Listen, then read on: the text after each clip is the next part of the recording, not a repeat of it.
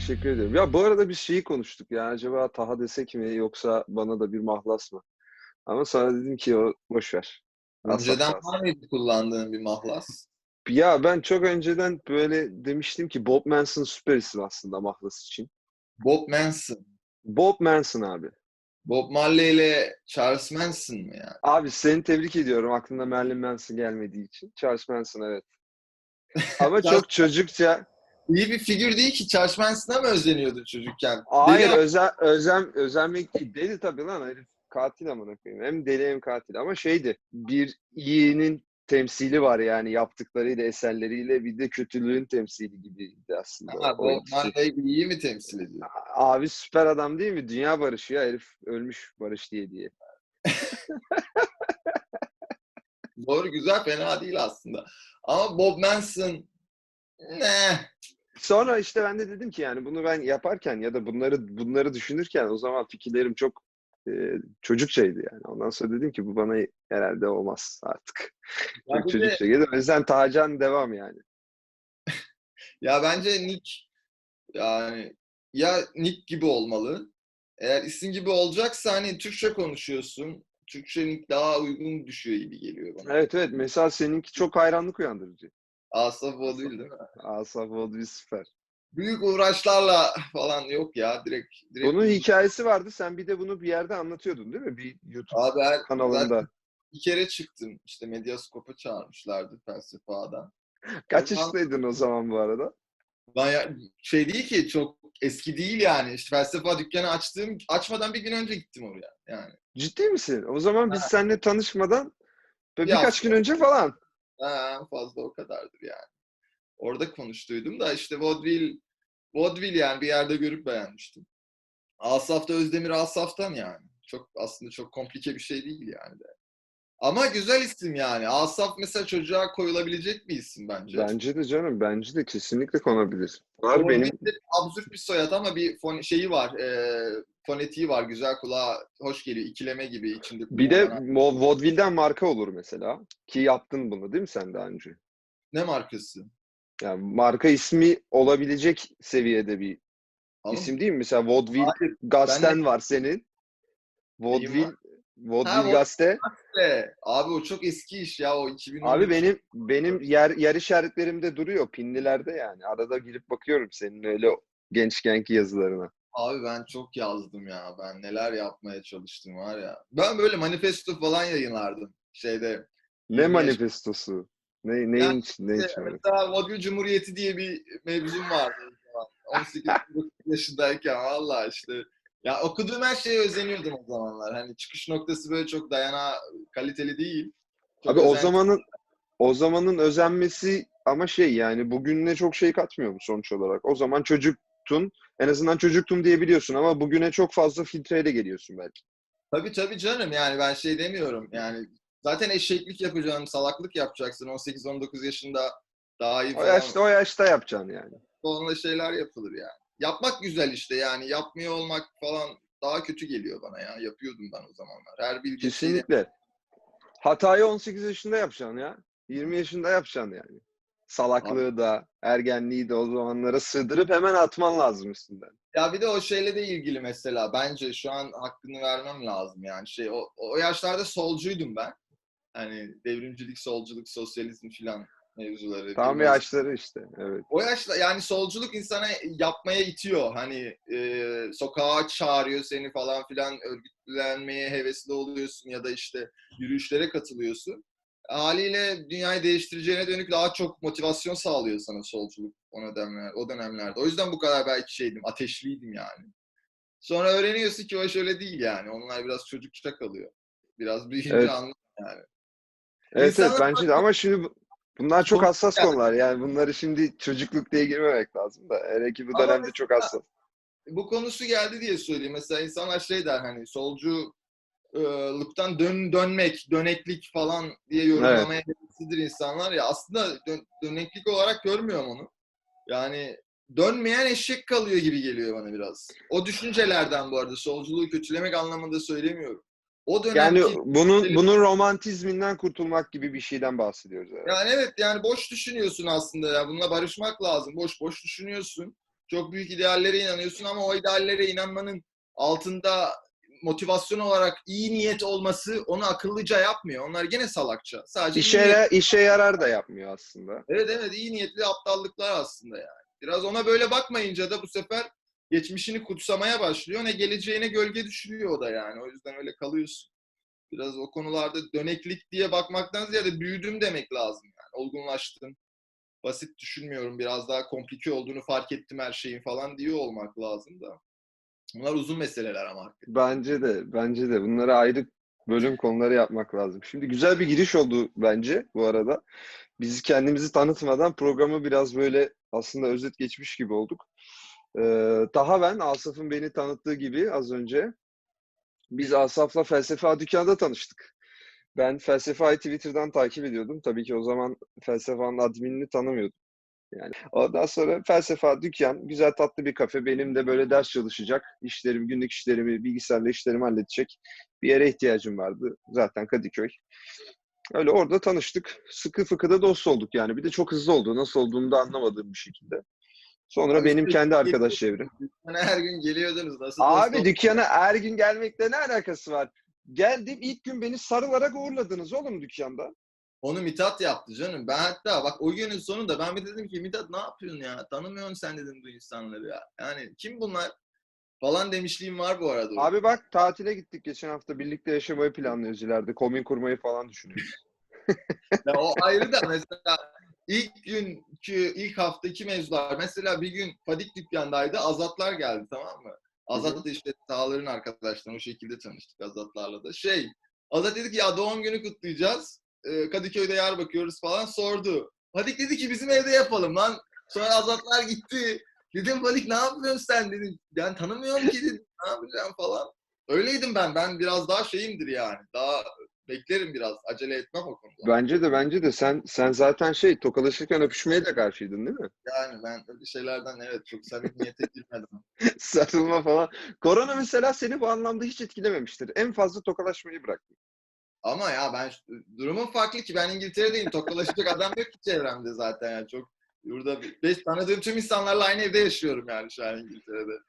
Yani o yüzden çok tokalaşacak. İstanbul'da öyle değildi. Hele Kadıköy'de kafeyi açtıktan sonra abi her gün birileri öpmek istiyordu. Abi sen seni öpmek istemelerinden ziyade seninle konuşmaya geliyorlardı insanlar ya. Sanki hiç kafede güzel çay, güzel kahve, işte güzel toz şeklinde değil de bir şey de gidip gidip, gidip Asaf'la, Asaf'la iki muhabbet edelim şeklinde oluyordu yani. Abi o ben ne kadar bir ara şöyle oluyordu bak. Özellikle hafta sonları oluyor işte. Bir şekilde yani insanlar da e, şey de eksiği var hani böyle edebiyat, felsefe, ıvır zıvır bir şeyler paylaşıyorsun orada. İnsan diyor ki ya benim böyle bir arkadaş çevrem yok. Hani böyle konuları konuşacağım. Hevesliyim diye gideyim şuraya bakayım diye geliyorlar. Haliyle konuşmaya geliyorlar. Hani öyle bir ortam yakalama hevesindeler. Ben zaten konuş, konuşurum ben yani. Beni bıraksalar konuşuyorum yani hiçbir şekilde. Ama şey oluyordu Cuma. Oturuyorum biriyle sohbet etmeye başlıyoruz. Bir bakıyorum yan masayla göz gözeyiz. Gülümsüyor. Onlar da dinliyormuş meğer. Dönüyorum böyle onlara doğru konuşuyorum. Sonra biri içeri giriyor böyle işte tuvalete ya da kahve alacak. Çekiyor sandalyeye o da oturuyor yanımıza filan. Öyle garip ortamlar oluyordu. Her gün böyle oldu. Böyle, aynen böyle bir işte şey sen ortadasın ve böyle herkes dinliyormuş gibi bir hava yani. Abi ortadaki masa. şeyler, profesörler falan, felsefeciler falan gelmeye başladı. E, Menteş geldi bir gün değil mi? Ha, Murat Menteş falan geldi. Öyle sohbet. Hem de şey kimle gelmişti? Cihangir İslam. Ha, milletvekilimiz şu an yani. Cihangir Wow. İslam nasıl? Abi çok tanışmak istediğim bak o kadar sık geldim dükkana. Çok tanışmak istediğim bir adam mesela onu kaçırmışım. Cihangir İslam'la da çok tanışmak isterdim. Bu arada Murat Keşke o gün denk gel. doğum gününde geldi yani. Doğum Öyle. gününde mi? Tesadüf, tesadüfti tabii de o yani. O yüzden unutmuyorum ama yani. Tam doğum günümü kutluyorduk falan kafede geldi. Ya dedim biz de doğum günü kutluyorduk falan dedi böyle. Öyle garip bir yarım saat, bir saat sohbet ettiydik yani. Abi süper. Süper bir dükkandı. Çok güzel anılarımız var. Sana da teşekkür ederiz bu arada yani. Dükkan harbiden çok Ne insanın çok güzel anısı var dükkanda. Evet ben de çok eğlendim ya orada. Kısa sürdü de işte İngiltere yüzünden kısa sürdü. Son dönemlerini hatırlıyorum mesela. İşte şey sabahları kahvaltı hafta sonları kahvaltıdan sonra modaya dükkanı kapatıp hep birlikte 15 Tabii. kişi modaya. Ya 3 ay falan sonra kafe misyonu tamamladı zaten. Yani arıyordum ben. Bugün geliyorsunuz mu bir şeyler yapalım buradan çıkıp da başka şeyler yaparız falan diye. Bu arada sadece siz değil mesela mahallede de çevrem çok genişledi böyle. Ya sabah arıyor diyor ki ne zaman geleceksin lan bırak ya ne zaman gelirsem o zaman geleceğim yani. Hadi bekliyorum. Abi dükkan sahibi aranmaz ki ya kapalıysa git işte. Bir şeyden arıyor yani. Sa- Sana anlatacaklarım var lan. Bizim işimiz o değil ki yani bana anlatacaklarım olması. Çok önemli değil ama öyleydi ya. Gideceğini git işte. Abi süper, süperdi. Biz öyle Asaf'la tanıştık. Ondan sonra Asaf İngiltere'ye gitti ama bizim muhabbetlerimiz bitmedi. Yani biz görüntülü olarak muhabbet etmeye devam ettik. Sonra dedik ki biz bunların yavaş yavaş kaydını alalım ama öyle de boş konuşmayalım. Aktüel bir program olsun. Gündemden bahsedelim biraz. Ee, size farklı bakış açıları sunmaya çalışalım ama hiçbir konunun da uzmanı değiliz yani. Sadece biz burada biraz e, kaliteli gevezelik etmek için toplandık aslında. Bayağı açılış 15 dakika sürdü. Güzel. Güzel, keyifli oldu. Herhalde güzel olur bundan sonra. Bugün, bugün, neler konuşacağımızdan biraz bahsedelim. Bugün biz e, korona ile girelim dedik yani malumunuz. Ama çok fazla uzun tutmadan, sizi de çok sıkmadan. Yani çok fazla insan dinlemiştir şimdi. Korona, korona her yerde korona ile ilgili birilerinin bir fikri var. Hani biz mesela İsveç korona ile ilgili İsveç konuşacağız. İsveç konusunu BBC konuşuyor. Başka kim konuşuyor İsveç'le ilgili bir şey duydun mu sen hiç yani? Ya Biz kendi aramızda çok konuşuyoruz belki. Ben gündemi daha çok şeyden takip etmiyorum. Hani Twitter'dan falandan ziyade. Kendi gündemimiz oluşuyor bir yerde. O da YouTube. YouTube'u takip ediyoruz galiba işte. YouTube BBC içerik yapıyor ya da Deutsche Welle ya da birileri falan. 100, 140 Journos. Öyle bir gündem bizim için oluşuyor. Ya da Flo TV falan hani. Twitter'daki gündeme çok bakmıyoruz. Twitter'da ne konuşuluyor çok aşina değilim yani. Yani ben benim çok karşılaşmadığım bir konu olduğu için söyledim. Sonra biraz da işte stand-up konuşuruz. Ee, Türkiye'deki stand-up dip dalgasını konuşuruz. Ee, linç linç linç kültürünü konuşuruz. Ee, stand-up linç kültürü ve bunlara EGM desteğini konuşuruz mesela. Bence o konu önemli. Konuşacak kişi benim diyordum. Stand-up Aynen. e, ve linç özellikle konularla ilgili konuşacak Aynen. kişi. Linç linç konusunda seninle ilgili evet biraz böyle canlı yorumlarını almak isteriz. Asaf Ozi. Ama Bu konuyla ilgili ilk defa konuşacağım. şey şey gibi.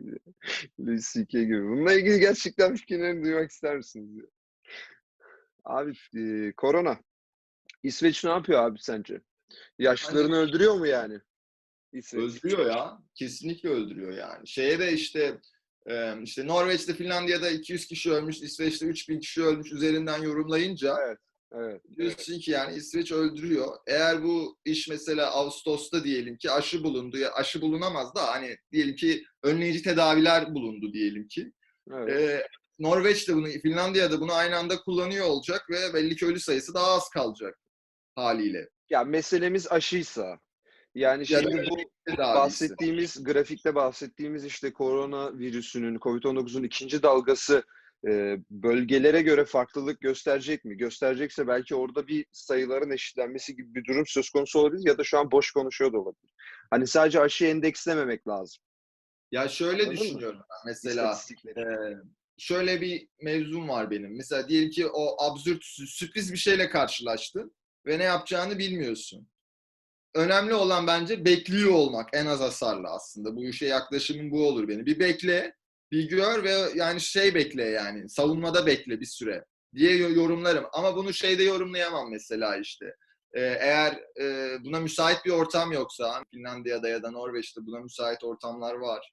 Onlarda para da var. Bir şekilde bunu e, finanse de ederler 3 aylığına. O yüzden İsveç'i eleştirdiğim kısım buradan kaynaklanıyor. Ama uzun vadede şey olarak da baktığın zaman hani diyelim ki önleyici tedavi çıkmadı. Bununla yaşamak zorundasın.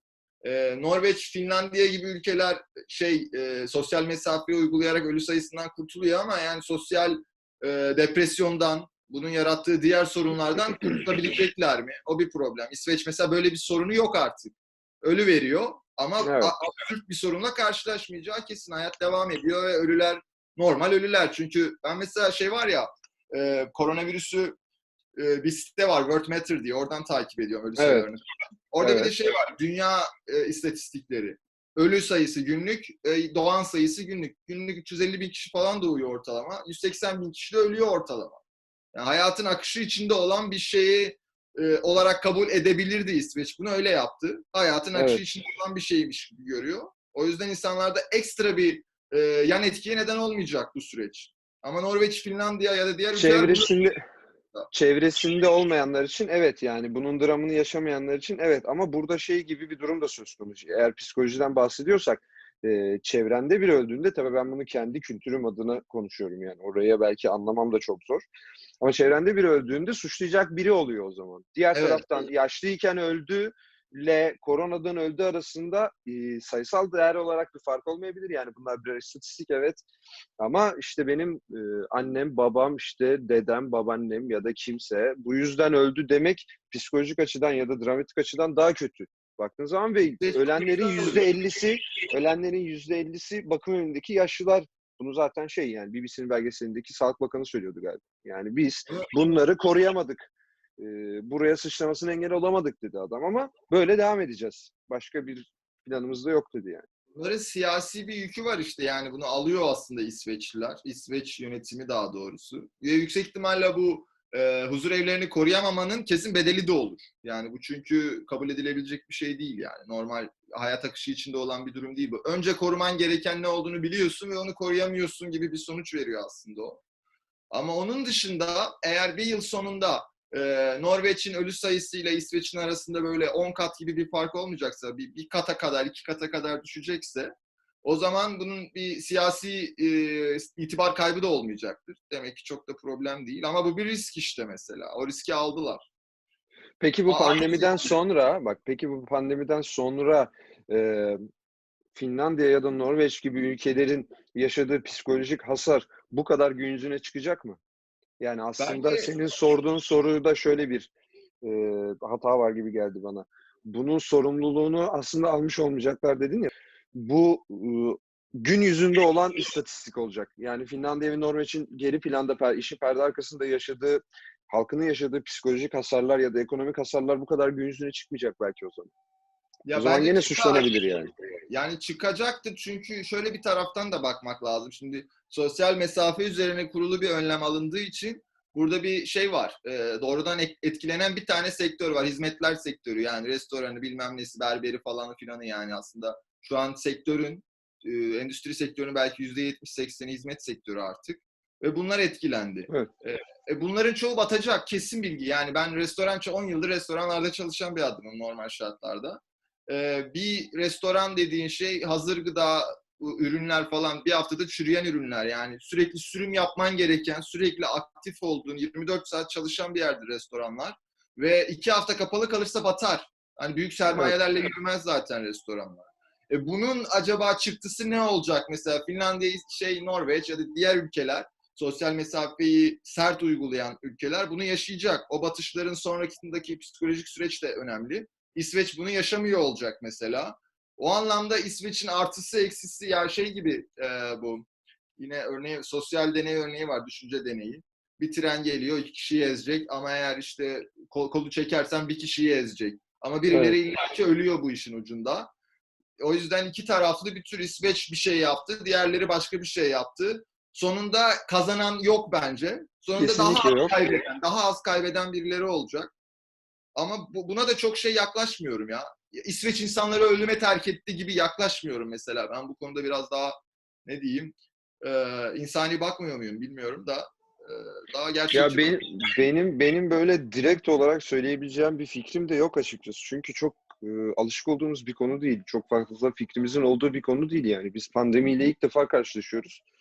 Ve e, biraz tecrübemiz olsa günün sonunda neler olacağına dair bir yorum yapabilirdim. Ama çok keskin bir şey söyleyemem. Bana da baktığın zaman e, ekonomik olarak güçlü kalmak yani hayatın olağan akışında devam etmesi gelecek olan neslin yani orta sınıfın, orta sınıf değil özür diliyorum, orta yaşlıların ve gelecek olan yeni neslin süreceği hayat için evet mantıklı. Yaşlıları biraz kenarda bırakıyor muyuz? Yaşlıları ölüme terk ediyor muyuz? Evet ediyoruz. Ama bu zaten biraz da dediğin gibi doğanın da kanunuymuş gibi. Baktığın Yani- zaman ama işte bu işin içinde olmak lazım. Yani bu bu dramın getirdiği psikoloji nasıl bilmiyorum açıkçası. Ya şey olabilirdi mesela yani bu buna hazır hazır olunsaydı birazcık. Yani bunu mesela önceden haberimiz olsaydı ki önceden haberimiz oldu. Aralıkta haberimiz oldu bu salgından. Ama 50 gün sonra başladı insanlar bunun gerçekliğini hissetmeye, buna göre önlem almaya. Bu da şeyle ilgili yani problem acaba sosyal mesafeyi doğru mu yapmak, e, pandemiye doğru önlemler almak falandan ziyade yani için diye bir adam var ya bilgi paylaşmıyor seninle. Ne olduğunu çok güzel anlatmıyor. İş patladıktan sonra bir önemi kalmıyor da bu bilgi paylaşımının. Ya demek ki asıl sorun bence oradaymış. Diğer konulara gelene kadar e, öndeki sorunu bu sorunu çözmezsek yani küresel ölçekte insanların birbiriyle bilgi paylaşması konusunu netleştiremediğimiz ölçüde yaşayacağımız sorunların ne kadar büyüyeceğini hayal edemiyoruz. Yani asıl bilgi orada başlıyor. Haliyle ilk sorun bence bu. İnsan küresel olarak herkesin birbiriyle bilgiyi paylaşabildiği bir ortam var mı? Bunu kurabilir miyiz? Yani bence asıl problem bu. Bunu yaptıktan sonra şey kolaylaşıyor yani. E, çünkü aldığın bilgiyi e, kim risk grubu olanlar kimler? Ha bunlar tamam onları bir şekilde izole etmeye çalışacağız. Onun dışında diğerleri zaten daha kolay hale gelecek. Gençleri hastaneye almaya gerek yok. Ara telefonla tedaviyi uygula vesaire. Hastane yoğunluğunu yaşlılara ayır falan gibi birçok önlem getirebilirsin ama başta bu doğru şekilde yönlendiğin zaman oluyor bu. Bir anda hastaneye bin kişi hücum etti. Aa virüs varmış hadi sokağa çıkma yasağı yapalım. Ee, sokağa çıkma yasağı insanları dedirtiyor. Birçok herkesin ayrı planları var falan. E, olacaklar buydu aslında yani. Olacakların hepsi kriz olayları aslında. Hastalık olayı değil. Hastalığa Evet. çünkü önlemi almak için daha hızlı ve önden davranabilirdik. Ama böyle bir ortam yok. O zaman sürpriz bir pandemi anında İsveç'in yaptığı biraz daha mantıklı geliyor kulağa. Çünkü kriz anında verdiğin her karar sana eksi olarak geri dönüyor. Biz bunu Türkiye'de de yaşadık. Gerçi biz çok çok iyi atlatıyoruz şu an baktığın Evet. zaman istatistiksel olarak ama ya biz bu anları yaşadık. Yani dediğin gibi verdiğin her karar, bir sokağa çıkma yasağı e, belki virüsün 3 kat daha hızlı yayılmasına sebep Evet. olabilecek seviyeye geldi yani. İnsanlar bir kaosun içine girdi yani markette. Marketler bu arada ben, ben sağlık sektöründe çalışıyorum. Bazen marketlere girdiğimde şey gibi geliyor bana. Hastaneden daha güvensiz, daha tehlikeliymiş gibi geliyor yani marketler. Hastanede en azından ne olduğunu biliyorsun. Kapılar kapalı, herkes izole, e, düzenli dezenfeksiyon işlemi sürekli yapılıyor. İçeride koronavirüs olduğunu bile bile söylüyorum bunu yani. Market harbiden market daha tehlikeli yani. Bütün paketler bazen işte maskesiz ya da eldivensiz gelen herkes bunu ben de yapıyorum bazen. Çünkü alışık değiliz dediğim gibi. Yani. Unutuyorum yani. Arabada maskem var. Sürekli kullanıyorum ama arabadan her indiğimde onu unutuyorum. Arabadan inip yürüyorum. Sonra geri dönüyorum. O maskeyi alıyorum ve tekrar devam ediyorum. Abi yani olacak Oturmadı iş bir değil. şey. Bir günde bir günde insan hazırlamaya çalıştı. Tüm dünya bir de yaptı bunu. Ya olacak iş değil de olmadı da. Hani bir işe de yaramadı aslında çok fazla. Bence Öyle de. Yani sadece şeyden kurtulundu. Bunun aslında şeyden e, siyasi sorumluluğundan kurtuldu herkes. Yani o hal alıyor herkes. E biz almazsak bunun yanıtını nasıl vereceğiz? Onlardan bir Evet açıklama versin. yapamayız. Evet hiçbir açıklama yapamam. Bunu yapmak zorundayıma döndü iş. Çünkü yapmadığın zaman hani dünyada internet var işte. Seçmenler görüyor. İspanya bunu yapmış. Biz niye yapmıyoruz? Ya da işte İtalya bunu yapmış. Biz yapmadık. Demek ki insanları ölüme terk ettiler filan. E tabii canım sosyal medya sosyal medya olduğu sürece suç hep hep suçlu aramak. Ama ben hep şeyi e, suçu ya yani böyle bunu tartışırsak konunun yanlış yerinden tuttuğumuzu düşünüyorum yani. Konunun asıl hikayesi bu başladı ve yayıldı. Peki bu süreç 50 gün abi biz niye bu konuyla ilgili ciddiye almadık? Hükümetler bunu ciddiye almadı. Yani ben zaten ciddiye almayacağım tabii ki. Bana ne? Ama beni Evet. yöneten insanın e, benim paramı alıp benim iyiliğim için harcayan insanlar, yöneticilerimiz bunlar yani. Bizim paramızı alıp bizim iyiliğimiz için harcıyorlar. Sağlığımız vesaire için, her şey için. Evet. Tamam hemen Çin'i arayacaksın. Nedir bu abi? Nedir bu? Bunu bana doğru anlat. Yoksa sana asla uçuş yapmam. Ertesi günden itibaren sana uçuşu keserim falan demen gerekirdi belki de. Bu problemler yüzünden oluyor. O yüzden problemin kaynağı burada. Küresel ölçekte bir iletişim ve informasyon dağılımı problemi var bence. Peki peki bunun e, bu rahatlığın daha önceki SARS ve MERS virüslerinden ya da o virüslerin pandemi olmayışından kaynaklı olduğunu düşünüyor musun? Ya da domuz gibi vesaire yani hiçbiri bu kadar küresel anlamda tehlike arz etmedi. Bir şekilde halloldu yani. Onlar da çok etkili virüslerdi belki de. Hatta SARS'ın yanılmıyorsam oranları daha yüksek ölüm oranları. Bayağı yüksek. Şey, bu- bunun bulaşıcılığı fazla diye işte herhalde. Daha hızlı evet. Evet. Zaten sıkıntı o. O yüzden diyorum ya hep dönüp dolaşıp aynı şeyi söylemiş gibi olacağım da. Information abi. O information'ı öğrendiğin anda dağıtacaksın dünyaya. Herkes önlemini alıyor olacak. Yani asıl önlem budur. Bilgi sahibi olmaktır önlem almak yani. Yoksa öbür türlü dedikoduya dayanıyor her şey. Oradan bir yere çıkmıyorsun ki bir şey de olmuyor yani. Dedikodu Oradan sosyal hatta yanlışa yanlışa çıkıyorsun çoğunlukla. Evet evet yani mantıklı bir yere ulaşmak çok. Herkesi öldürüyormuş. Yan etkileri de varmış. Ee, bir daha yakalanıyormuşsun falan. Hiç hiçbirinin doğrudan sana faydası yok. Ekstra zararı var çünkü hem bunu yayıyorsun hem de kendi e, enerjini tüketiyorsun bununla yani. Ve doğru mu yanlış mı onu da bilmiyoruz. Bilmiyoruz canım. Şu an hala hala kesin bir bilgimiz yok. Sürekli yeni çalışma dün gördüm daha. Yani çok şey doğru ya da yanlış diye söylemiyorum. Yani neler çıkabiliyor diye. İşte şizofreniye sebep oluyor. Covid-19 virüsü diye bir yazı gördüm. Bir çalışma falan gibi. Yani bunların hangisinin doğruluğunu teyit edebiliriz ki şu an? Sürekli iki hastayla çalışma yapıyorlar. Bunu bir makale haline getiriyorlar da diyebiliriz yani. Anlatabiliyor muyum? Sürekli çıkacak. AIDS'e kadar AIDS'e kadar okudum ben. Bir ara o da çok patladı ya işte AIDS virüs, HIV virüsüyle aynı özellikleri taşıyor. İşte e, HIV'in sebep olduğu sorunlara COVID-19 da sebep olabilir falan gibi şeyler okumuştum mesela. Ya ben ama şey diye bakıyorum buna yani. Bir olayın aleni bir hali vardır. Yani mesela işte Covid-19 %90 ateş, zatüre işte buradan kaynaklı. %98 bundan. Bir de yan etkileri var. Yani şuna da neden olabilir, buna neden olabilir. Ben bunu şöyle yorumluyorum. Covid-19'un böyle etkileri yok.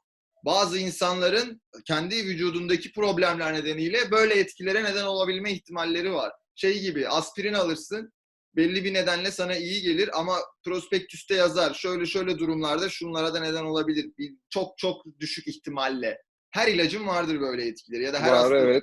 şekilde başka sonuçları olabilir. Covid-19 abi zatürreye neden olan bir virüs yani işte uzun vadede işte ateşi yükselten bir virüs. Budur bu aslında. Ama eğer senin hastalığın farklıysa, başka şekillerde başka problemlerin varsa seni daha değişik etkileme ihtimaline sahip. Şöyle diyelim daha kolay olsun. Yatkınlığın varsa bazı Evet, durumlara belki bir ihtimal e, tetikleyici olabiliyordur ama bunlar çok zor çalışmalar olur yani. Çok fazla insan üzerinde çalışmak lazım. Ya ama şey kötü işte mesela sen dedin ya az önce dün bir şey okudum işte şeye de neden oluyormuş işte şizofreniye. Bu, bu bunu alıp mesela direkt e, komplo teorisine hevesli insanlar buna da neden oluyormuş falan filan diye böyle oradan bir yaygara çıkması kolaylaşıyor. Sonra sen AIDS, o AIDS konusu öyle büyüdü muhtemelen. Bana öyle geliyor yani. ve sen o bilgiyi düzeltene kadar belki 40 takla atıyorsun ve düzeltemiyorsun da. Üç kişiyi ikna edemezsin yani. İnananlar zaten yandı gitti yani. Çünkü çünkü herkesin çevresinde mutlaka biri benim de tanıdığıma geldi diye anlatmıştır. Ama birebir evet. görmez kimse yani. Biri anlatır işte benim bir yakınım işte şizofren oldu. Korona teşhisi kondu şizofren oldu gibi bir şey anlatır yani. Bir anda böyle hikayeler ortaya çıkar. Bir de ben buna çok önemsemem ya. Halk zaten zırvayı konuşmaya meyillidir yani. Yapacak bir şey yok. Halk zırva konuşur yani. Halk 8 kere 8'i bilmeyen adamın hastalıkla ilgili bilgi daha sat, satıyor olması çok bir karşılığı yok. Ama önemli olan şudur işte yöneticileri seçiyorsun. Yöneticileri seçerken aynı zamanda bazılarını seçmiyorsun da onlar zaten kendi hiyerarşisinde liyakate dayalı seçiliyor işte sağlık kurumlarında bazı kurumsal ve özerk yapılarımız var. Bunlar bizim için karar veriyorlar zaten. Hastaneler, hastanenin ortak kurumları vesaire. İşte bunların doğru çalışıyor olması lazım. Yoksa halk bu konuda doğru çalışamaz. Öyle bir dinamizmi yok halkın. Halk çekersin gider başka bir yere. O yüzden halka dayalı olmaması lazım bunların, bu tip konuların.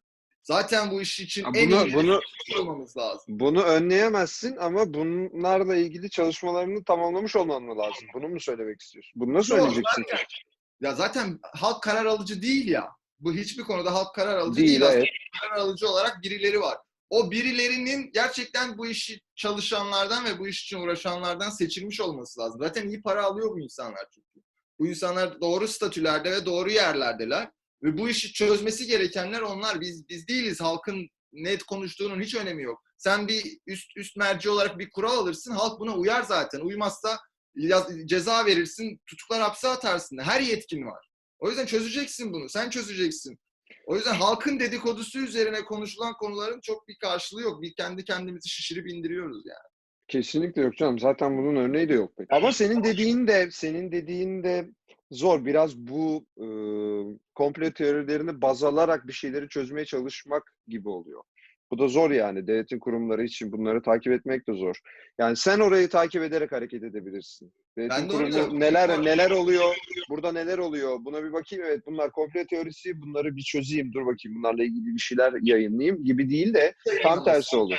Hiç yayınlamasın. Ben diyorum ki önüne bile geçme kötü bilginin. Sadece iyi bilgiye sen ulaş ve bunun yasal yapılması gerekenlerini halka uygulatmaya çalış. Halk istediğini düşünsün. Halk, her, halk şu an başbakanın sallıyorum İsrail'le anlaştığını da düşünür, Amerika ile anlaştığını da düşünür. Bunu engelleyemezsin. Ama Evet. dersin ki ne düşünürsen düşün ama benim dediğimi yapacaksın dediğin zaman yapar. Çünkü karşılığında bir cezası vardır ya da bir hukuksal bir tükümlülüğü vardır bunun.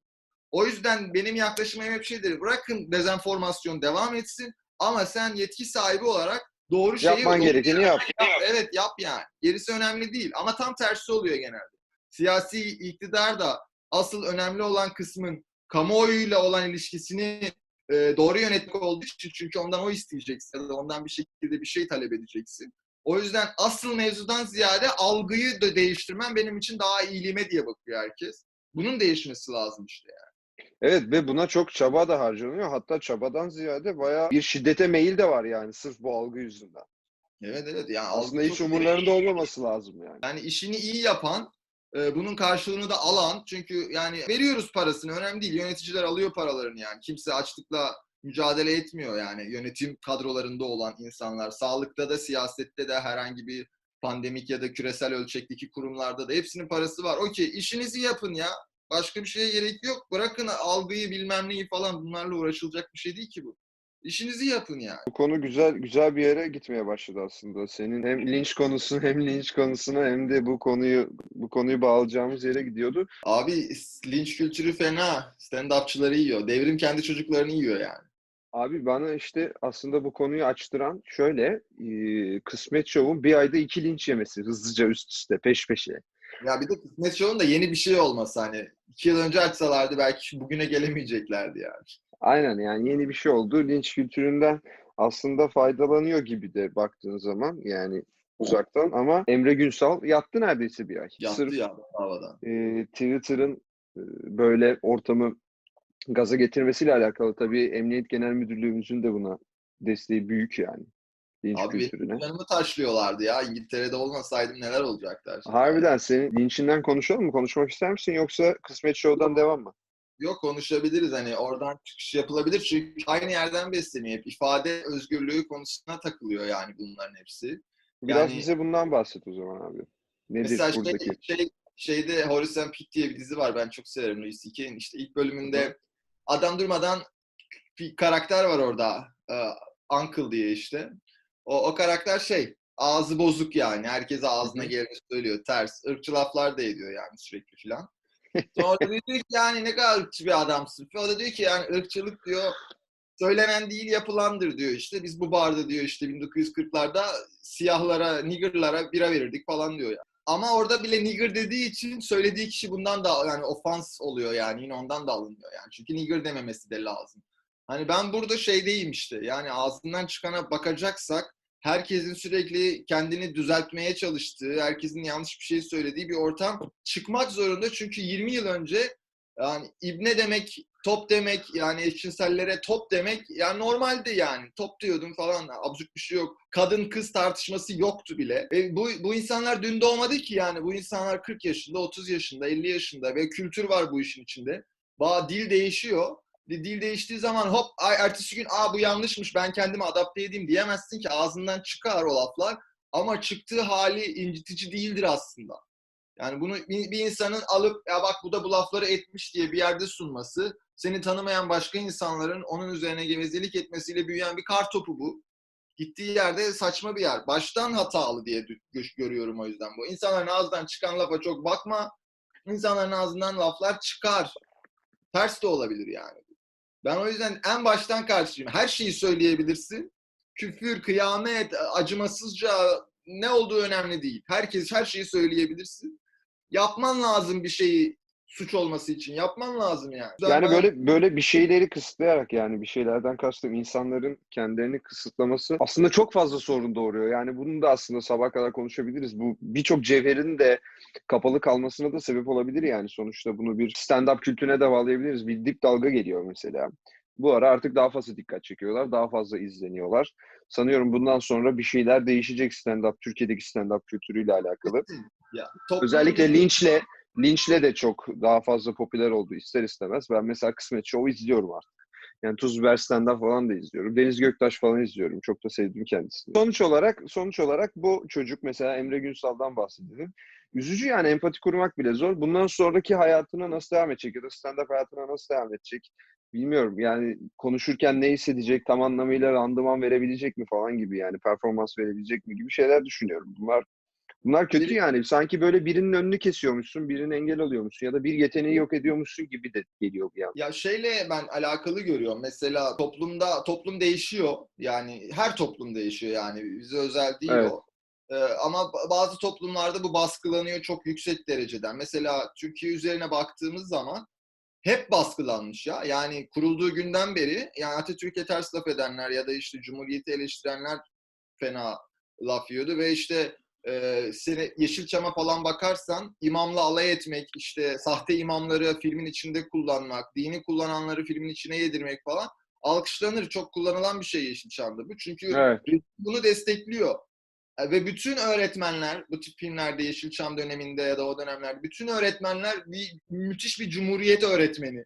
Atatürkçü falan absürdü de yok bunun. Bu konuda da çok net. Hani orada görüyorsun ki devlet bir şeylere yol vermiş. Dışına Evet. da çıkamamışsın. Dışına çıkmaya çalışanlar Yılmaz Güney dışına çıkmaya çalışmış. So- sonuçları ortada filmlerini yakıyorsun. Ya da bu tip edebiyatları da aynen izin vermiyorsun. Haliyle topluma ne söyleyeceğini karar veren bir mekanizma var. Her ülkede var ama toplum değiştikçe buraları zorluyor hep. İttirmeye çalışıyor. Oradan bir yerden çıkmaya çalışıyor. Kafasına yediği e, şeyle e, odunun sertliğine dayalı olarak ya susmak zorunda kalıyor ya da işte cümlesini değiştirmek zorunda kalıyor vesaire. Ama internet artık dönem olarak şeyi engelleyemiyorsun. Hani önceden televizyon, medya kitabını yasaklama, filmini engelleme vardı. E şimdi adamın internetini mi keseceksin? Öyle bir ihtimal yok. Herkes ağzına geleni söylüyor. Ama Bir, bir onu da denediler bu arada. Yani bir, bir denendi yani. İnterneti kesmek diyemem buna da. Evet. İşte bazı siteleri yasaklı hale getirmek yani. Bu YouTube yasaklıydı mesela bu ülkede. Twitter gezi döneminde kapandı falan yani. Arada kapanıyor falan. VPN, VPN diye bir şey var artık sonuç olarak. Çözüyorsun yani dediğin gibi. Bir, Yani to- evet evet. Ama şey de var işte toplum değişiyor ama toplum değişirken e, eski kafadakiler ölmüyor ki. Eski kafadakiler sadece yaşlanıyor. Evet. E, bu nedenle onların değişmesi daha zor. E, orada bir çatışma hep olacak. Yani ben bu çatışmaya bir şey diyemiyorum. Bu doğal doğal bir şey yani. İnsanlar şok oluyor çünkü 1900 günümüze kadar bu konularla ilgili laf söyleyenin hapse girdiği ya da eleştirildiği ya da kızıldığı bir ortamda yaşamış bir insan birinin çıkıp böyle şeyler söylemesine e, şey olarak şaşırıyor. Ya bunu niye hapse atmıyor kimse? Önceden atılıyordu diye yaklaşılmadı yani. Sıkıntı, sıkıntı ne ama?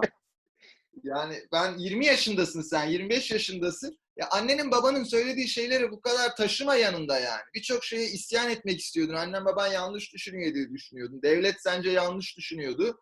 Ama aynı kutsallar konusuna ya da işte sana e, ters gelen bir konu geldiği zaman onlar gibi düşünmeye eğilimlisin. Bu biraz aslında can sıkıcı. Onun dışında çok kızacak bir şey yok. Bunlar olacak. O lafı söyleyenler başlarına bir şey geleceğini bilmiyorsa bile geldiği zaman şok olmuyorlar yani. Geliyor çünkü hayatın akışı içinde ama bu birileri kafasını çıkarmazsa daha uzun süre konuşulmayacak o konular. Kafasını biri çıkardığı zaman yediği sopadan sonra birileri hani Hababam sınıfında var ya kim yaptı bunu? Herkes ayağa kalkıyor ben yaptım ben yaptım. Evet. E bu ben yaptımlar çoğaldığı zaman herkesi hapse atamadığın için suç suç olmaktan çıkmaya başlıyor bir yerden sonra işte. Başladı mı sence? Baş, yüzde yüz başladı canım yani. Eşcinsellik konusu mesela burada bence çok önemli. Eşcinsellik bayağı geçti artık o günler. Kimse ters bir şey olarak görmüyor yani. Görenlerin hepsi çok yaşlı. Çok Gö- yaşlı gibi değiller ya. Benim benim çevremde var mesela hala. Bu Var da şey yok. Eskiye nazaran bir şey yok. Tepki yok. Onun olmaması gerektiğini düşünenlerin sayısı azalıyor. Bu var. Bana çok Evet. ters ama sikiyim öyle işi falan deyip geçiyor en fazla. Önceden yani olamaz. Böyle bir şey olamaz. Tedavi edilsin. Evet yani evet Hatta- hastaneye kapatalım. E, bir tane doktor bunun hastalık olduğunu söylemişti. Bir doktor olarak mesela. Ha, Yani evet, şey değil aslında çok çok e, hala hala çok çok uzakta ya da e, az değiller bence. Yani böyle ilim Azalma irfan eğilimi sahibi var ilim irfan sahibi insanlar da hala bazen abuk subuk konuşabiliyorlar. Ben de buradan en en cahil halimle en cahil halimle bir doktor abuk subuk konuştuğunu söylüyorum. Ama e, bu programı kaç kişi izleyecek bilmiyorum. Yüzde yüzünden daha fazla doktor tanıyor olacağım yani. O yüzden bazen doktorlar da abuk subuk konuşurlar. Ben ama o konuda da doktorun mesela işinden falan atıldı. Ben ona da karşıyım yani. Bir adam laf söylediği düşünceleri yüzünden gene başına başka işler gelmiş oluyor. Hayır hayır öyle bir öyle bir şey tabii ki olmamalı canım. Yani o sonuç olarak alanı neydi hatırlamıyorum şu an ama alanında iyi bir hekim ya da iyi bir cerrah olabilir. Ama Kötü konuşur olabilir. yani. Kötü de olabilir de alanıyla alakalı bir sorundan dolayı doktorluğu elinden alınsın ya da işinden atılsın bu adam. Söylediği düşünceleriyle bir ilgisi yok yani mesleğinin. Ama işte böyle bir durum var. Türkiye'de özellikle çok yüksek bu durum. Abi Zoom kötü ya. Durmadan kaydımız kopuyor yani de. Ben Zoom, Zoom, Zoom kötü değil de senin internetin kötü muhtemelen. Londra'nın göbeğindesin. Teknoloji sorunu yaşıyoruz. Asaf olacak. Yani şey speed test yaptım. 200 megabit gösteriyor. Yani 200 Nasıl megabit gerçekten buradaki insanların rüyalarında dahi birçoğunun Yani, görmediği. değil Abi mi? süper. Süper. Peki Zoom'da niye böyle şeyler oluyor? Ya aslında Mithat şu an ders yapıyor olabilir aşağı katta. O da Zoom'dan online ders veriyor. Belki aynı anda ağır yoğunluk mu oluyor evde bilmiyorum. Ha, olabilir. Ya şöyle, e, şimdi sen ne kadar 200 megabit internet kullansan da modemin interneti kullanıcılara bölmesi de bazen sorun olabiliyor. O konuda bence çok daha teknolojik değil aletler. Eşit Evet, evet. bölmüyor çok yani. Alacağım bir çoğaltıcı alacağım. Buraya takacağım. Ben bir de üçüncü kattayım evde. O yüzden uzağım yani modeme. 3 3 katlı ev ha. 3 katlı Ha. villa mı? Üç katlı villa diyebiliyoruz herhalde de burada her ev öyle olduğu için bir villa özelliği yok gibi artık. Ev yani işte. Ha, Her house. ev. Ee, Türkiye'de İstanbul'da bunun şeyi var. e, klası var yani havasını atabilirsin de burada e, şeyin evinde yaşayan kirasını ödeyemeyen insanlar da sonuçta müstakil evlerde yaşıyor. Şey, mültecilerden bahsediyorsun. Evet, aynen. Mülteci de müstakil ev. Council evi diyorlar işte ona. Belediye falan ödüyor senin kiranı falan. Yardım istiyorsun. Onlar Ama da villa, belediye villaya yerleştiriyor seni öyle mi? yani kişi sayısına bağlı. Evli üç çocuğun varsa e, kişi sayısı kadar odalı ev vermek zorunda olduğu için böyle bir ev veriyor sana. Bu, bu ne oğlum? Güzel. Sosyal devlet. Bizde de var işte oğlum. Bizde de koronayı güzel atlattık devletimiz sayesinde işte. Burada 30 bin kişi öldü. Artılar eksiler diyorsun. Yani evet. Abi evet. burada 3000 3000 kişi öldü ya. 3 bin hiçbir 3 şey ya. yani. Hiçbir şey değil dünyaya baktığın zaman. Amerika'ya ne oldu öyle ya? New York'a insanların gidesi gelmez artık ya. Ama 350 milyon insan var Amerika'da ya. Hani oran orantı yaptığın zaman Yap Türkiye'ye. lazım. Türkiye çok başarılı da bence yaşla alakalı. Türkiye'de yaşlı az. O yüzden burada mesela herkes yaşlı. Yani İngiltere'de Ben direkt yani yaş, yaş bir etken olabilir ama yani e, yüzdelik dilimde çok pay vermem. İnsanların buradaki temizlik takıntısı bence biraz daha farklı. Yani Türklerin yaşayış biçimi belki Avrupalılara göre biraz daha farklı. Yüzde yüz şey olarak daha temiziz bu arada. Ben şeye katılmıyorum. Genelde şey çok trend olur. Ee, Türkler kokuyor. İşte Türklerin koltuk altları kokuyor falan. Metrobüse binmek çok kötü Hı hı falan. hı. Türklerin temiz olmadığını değil, fakir olduğunu gösteriyor aslında daha Evet. çok. Fakir insanlar o kadar temizlik, güzel kokma aygıtları yok. Ama temizler mi? Der, temizler çünkü evlerine ayakkabısız girerler. Türk evlerinin içi genelde temizdir. Temizlik, Burada- çok sık temizlik yapılır. Evet, bu, burada öyle Bu biraz da şey yani ka- kadın kadınların iş hayatına katılım oranıyla da alakalı biraz da. Yani o da var. Mesela ev, ev hanımı, ev hanımı, ev hanımı sıklıkla temizlik yapar yani evinde. Abi dinamik Temiz ya. İşte topluma o zaten şey gözüyle yaklaşmamak lazım. Türkler böyle, İngilizler şöyle falan değil. Hı. Yani her şeyin bir çıktısı oluyor. Yani zenginleştiğin zaman bazı şeyler e, başka yerlere gidiyor. Orada senin eksine yazılacak şeyler sonuç olarak karşına çıkabiliyor. Sallıyorum. E, Çok paran olduğu zaman bir şeyleri yapmamaya başlıyorsun. Sonra o yapmamadığın şeyler e, sana da yansıyor. Bu sefer sende bir eksiklik görüntüsüne de neden oluyor. Sonra diyorlar ki İngilizler böyle. E, değil yani o işte. Toplumsal dinamikle değişen. Abi zaten herhalde İngilizler böyle demek yani İngiltere için çok zor değil mi? Kaç farklı milletten insan var orada. Ya Londra için konuşacak. Herkes orada yani. Londra'da İngiliz azınlıktır. Yani Londra'da göçmenler çoğunluktadır. Yani başka ülkeden gelip burada yaşayan insanlar Londra özellikle çoğunluktadır. Ama bazı yerlerde de işte şey gibi bu. Ee, Türkiye'deki merkez sağ mevzusu gibi yani işte Yozgat'ta Yozgatlılar var yani. Buranın da İç Anadolu semtlerinde falan. Sen sen ilk seni ilk arkadaşlarını alıp İngiltere'nin Yozgat'ına götürmüşler değil mi? Vay çok kötü bir deneyimdi o yani. İngiltere bu mu? Dediğim bir dönem. Londra'ya geldim. Londra'ya gelince de yani İngiltere bu mu demedim yani. Londra falan oldum yani. Çünkü Londra da İngiltere'yi temsil etmiyor gibi. Çok kozmopolit. Çok güzel ya. Londra çok acayip bir yer yani. Herkese tavsiye edebilirim Londra'da bir, bir iki yıl yaşamayı. Abi umarım umarım bir böyle bir, bir iki haftalığına gelir de bir görürüz. Belki de yaşamaya geliriz bilmiyorum. Ya yaşamayı tavsiye ederim bu arada. Bir iki haftada gördüğün şeyler Türkiye'de daha iyilerini görürsün. Seni daha çok şaşırtacak tarihsel yer Türkiye'de vardır. Çeşitli E, olarak tabii da ki var. vardır canım.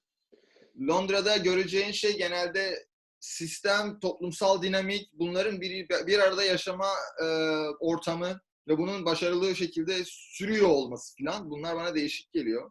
Yani çok ön yargı kalmamış neredeyse Londra içinde yani. Hani ırkçılığa denk gelir misin? Gelirsin çünkü yani insanları oturup evinde eğitmiyorlar yani. İnsanlar cins. Ama o cins insanlar bu toplumda nasıl entegre olabileceğini anlamışlar. O sistem bu şekilde herkesi bir şeye adapte etmiş. Kimse kılık kıyafetinden ya da işte tipinden mipinden dolayı bir yerlerde sana laf eden olur. Bunu başka bir mevzu. Ama mesela sen buna rağmen sokağa öyle çıkmaya heveslisindir. Yani Türkiye'de bu yok. Türkiye'de başına bir iş geleceğini düşündüğün halde sokağa öyle çıkmazsın. Dersin ki başıma bir iş gelir öyle çıkmayayım. Burada yani biri laf etse de fuck you der devam edersin mesela. O da sana fuck off falan der en fazla. Biter yani. Burada Anladım anladım. Tahmin tahmin edebiliyorum ya. Bu tahminin de tabii şeyden geliyor yani internet çağında. Çok garip yani insanların Avrupa'daki iki insanın tartışmasıyla bu tartışmanın sadece sözlü bir tartışma olarak bitmesiyle Evet. Türkiye'deki tartışmaların farkı çok garip gelmişti onu ilk gördüğümde. Yani bu adam bu adama nasıl vurma zamana koyayım? Ne dedi adama gibi şeylerle karşılaştığım olmuştu. Ama Burada günlük hayatta var ya. Burada yani bir sarhoş birine omuz atıyor. Birbirlerine küfürleşiyorlar. Devam ediyorlar sonra yani. Çok garip mesela abi nasıl bu adam o adama vurmaz yani. Oğlum anneni küfür etti lan falan gibi şeylerle tabii 20'li yaşların başındaydı bu şimdi. Çok takılmıyorum yani. Abi Bunlar- konumuza dönelim. Konumuz da bununla ilişkili işte yani. Sözde Türk milleti sözle deliriyor abi.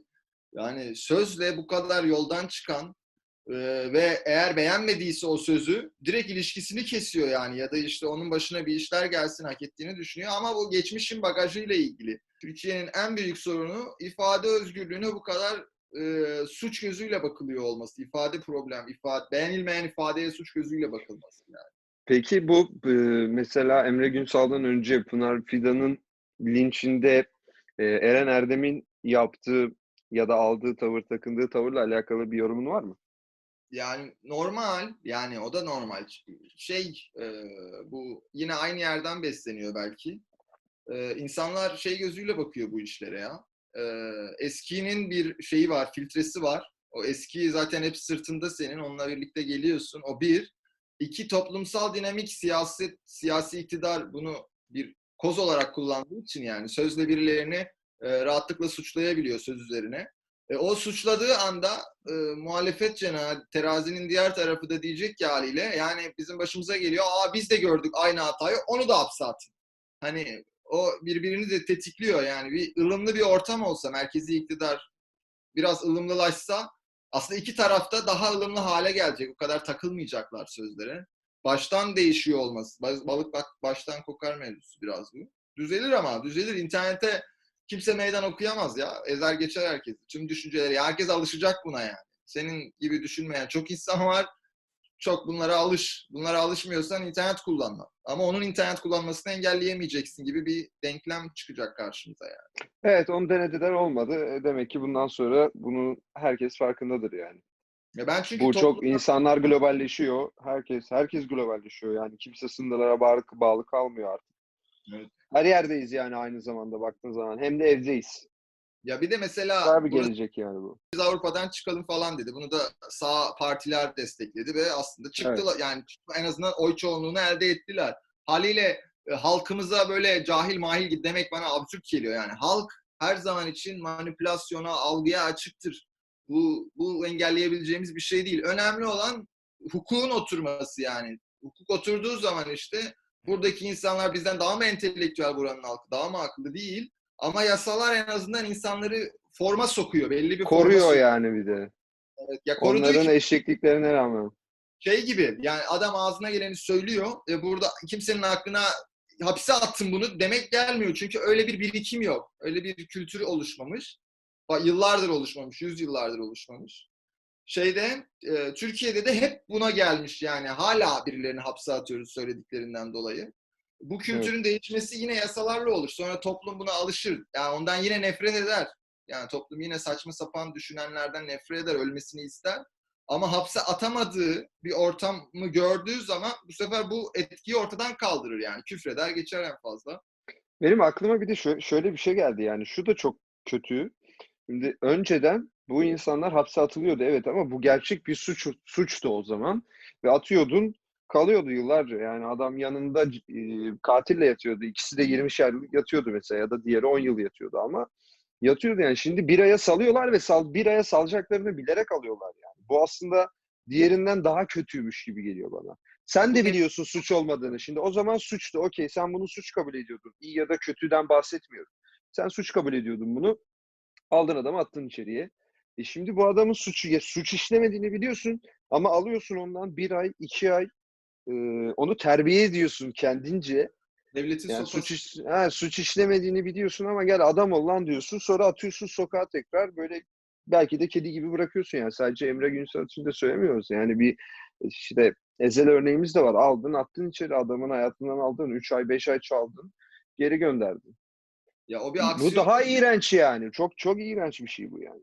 Ya bu hukuksuzlukla çok ilişkili işte yani. Genelde e, dönüp dolaşıp gene ifade özgürlüğü falan demek zorunda kalıyorum ama yani eğer hukuka hukuka iktidar karar veriyorsa verir. Yani buna izin vermişsin sen yani. Verir. Türkiye'de de bu var. Hani e, devlet babamız görüşü var. E, ailede de en büyük e, otorite baba. E, baban Evet. sana senin hayatına müdahale ediyor ve sen bunda kendini çaresiz hissediyorsun. Hatta çaresizliğin ötesinde babanı yanlışlamıyorsun da ne eylerse güzel eyler diyorsun yani babadır diyorsun en nihayetinde. Toplumda da karşılığı böyle olduğu için bu iş hani böyle ola geldi. Ama şimdi insanlar farkındaysan babalarına siktir de çekiyor artık yani. Ben Evet. öyle olmayacağım diyor vesaire. Bu birbirini birbirini doğrulayacak bunlar da sonra toplumda haliyle bu şartlar altında devam ediyor olacak. Zamanla olacak yani. Ha deyince olmuyor hiçbir şey. Olan da birilerine olacak bu. Yanacak birileri yani. E tabii. E tabii zamanla olduğunu görüyoruz canım. Yani bu toplumların değişimi böyle çok uzun yıllara hatta belki böyle birkaç nesile de yayılabilir. Ama bana da çok fazla zaman kalmış gibi gelmiyor ya. Gelmiyor. Az Ya kaldı, az kaldı sanki. Mecbur, mecbur. Mecbur bir yerden sonra yani. Çünkü şey de düşünmek lazım. Se- Mesela ben bunu söylüyorum hep. Mesela şu an Türkiye'yi 50-55 doğumlular yönetiyor. Ee, Evet. 50-55 doğumlular aynı zamanda bunların hepsi şey e, Rizeli ya da Siirtli ya da işte Doğulu ya da Karadenizli, Trabzonlu falan belli bir Evet. belli, belli bir hem etnik kimliği hem de belli bir e, bagajı temsil ediyorlar yönetenler olarak. E, Evet. Ve bu, bu- bunu Türkiye'nin ortasına koyduğun zaman bu kabul görür. Çünkü büyük bir çoğunluk şeyi sever yani. Çünkü dediğim gibi ailede de en büyük otorite baba olduğu için sert dediğim dedik falan filan bir Aynen. otorite ters gelmiyor. Ama 50-55 neslin yönettiği nesilde ülkede şöyle bir sıkıntı var. 80 doğumlular 40 yaşına geldi. Yani Evet. 80'lilerden itibaren de yönetim değişimi olacak. Artık 80'liler, 75'liler yönetecek ülkeyi yani. Evet. Sonraki seçimden itibaren. E, 50 doğumlu insanlar babalarından ne gördü? Birinci, ikinci Dünya Savaşı, açlık, kıtlık, demokrasi öncesi dönem.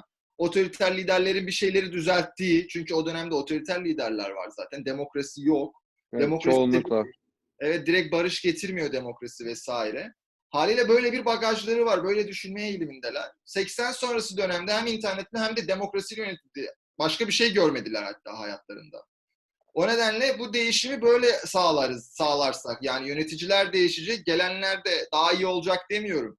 Ama en azından bazı konularda mesela bunu yok ederek değil de kavga edelim bir şekilde bir konsensus oluşturalım. Oluşturamıyorsak da boş ver. Onu hapse atmayayım diyecekler. Demeye eğilimliler yani. Çünkü görmediler öyle bir dünya.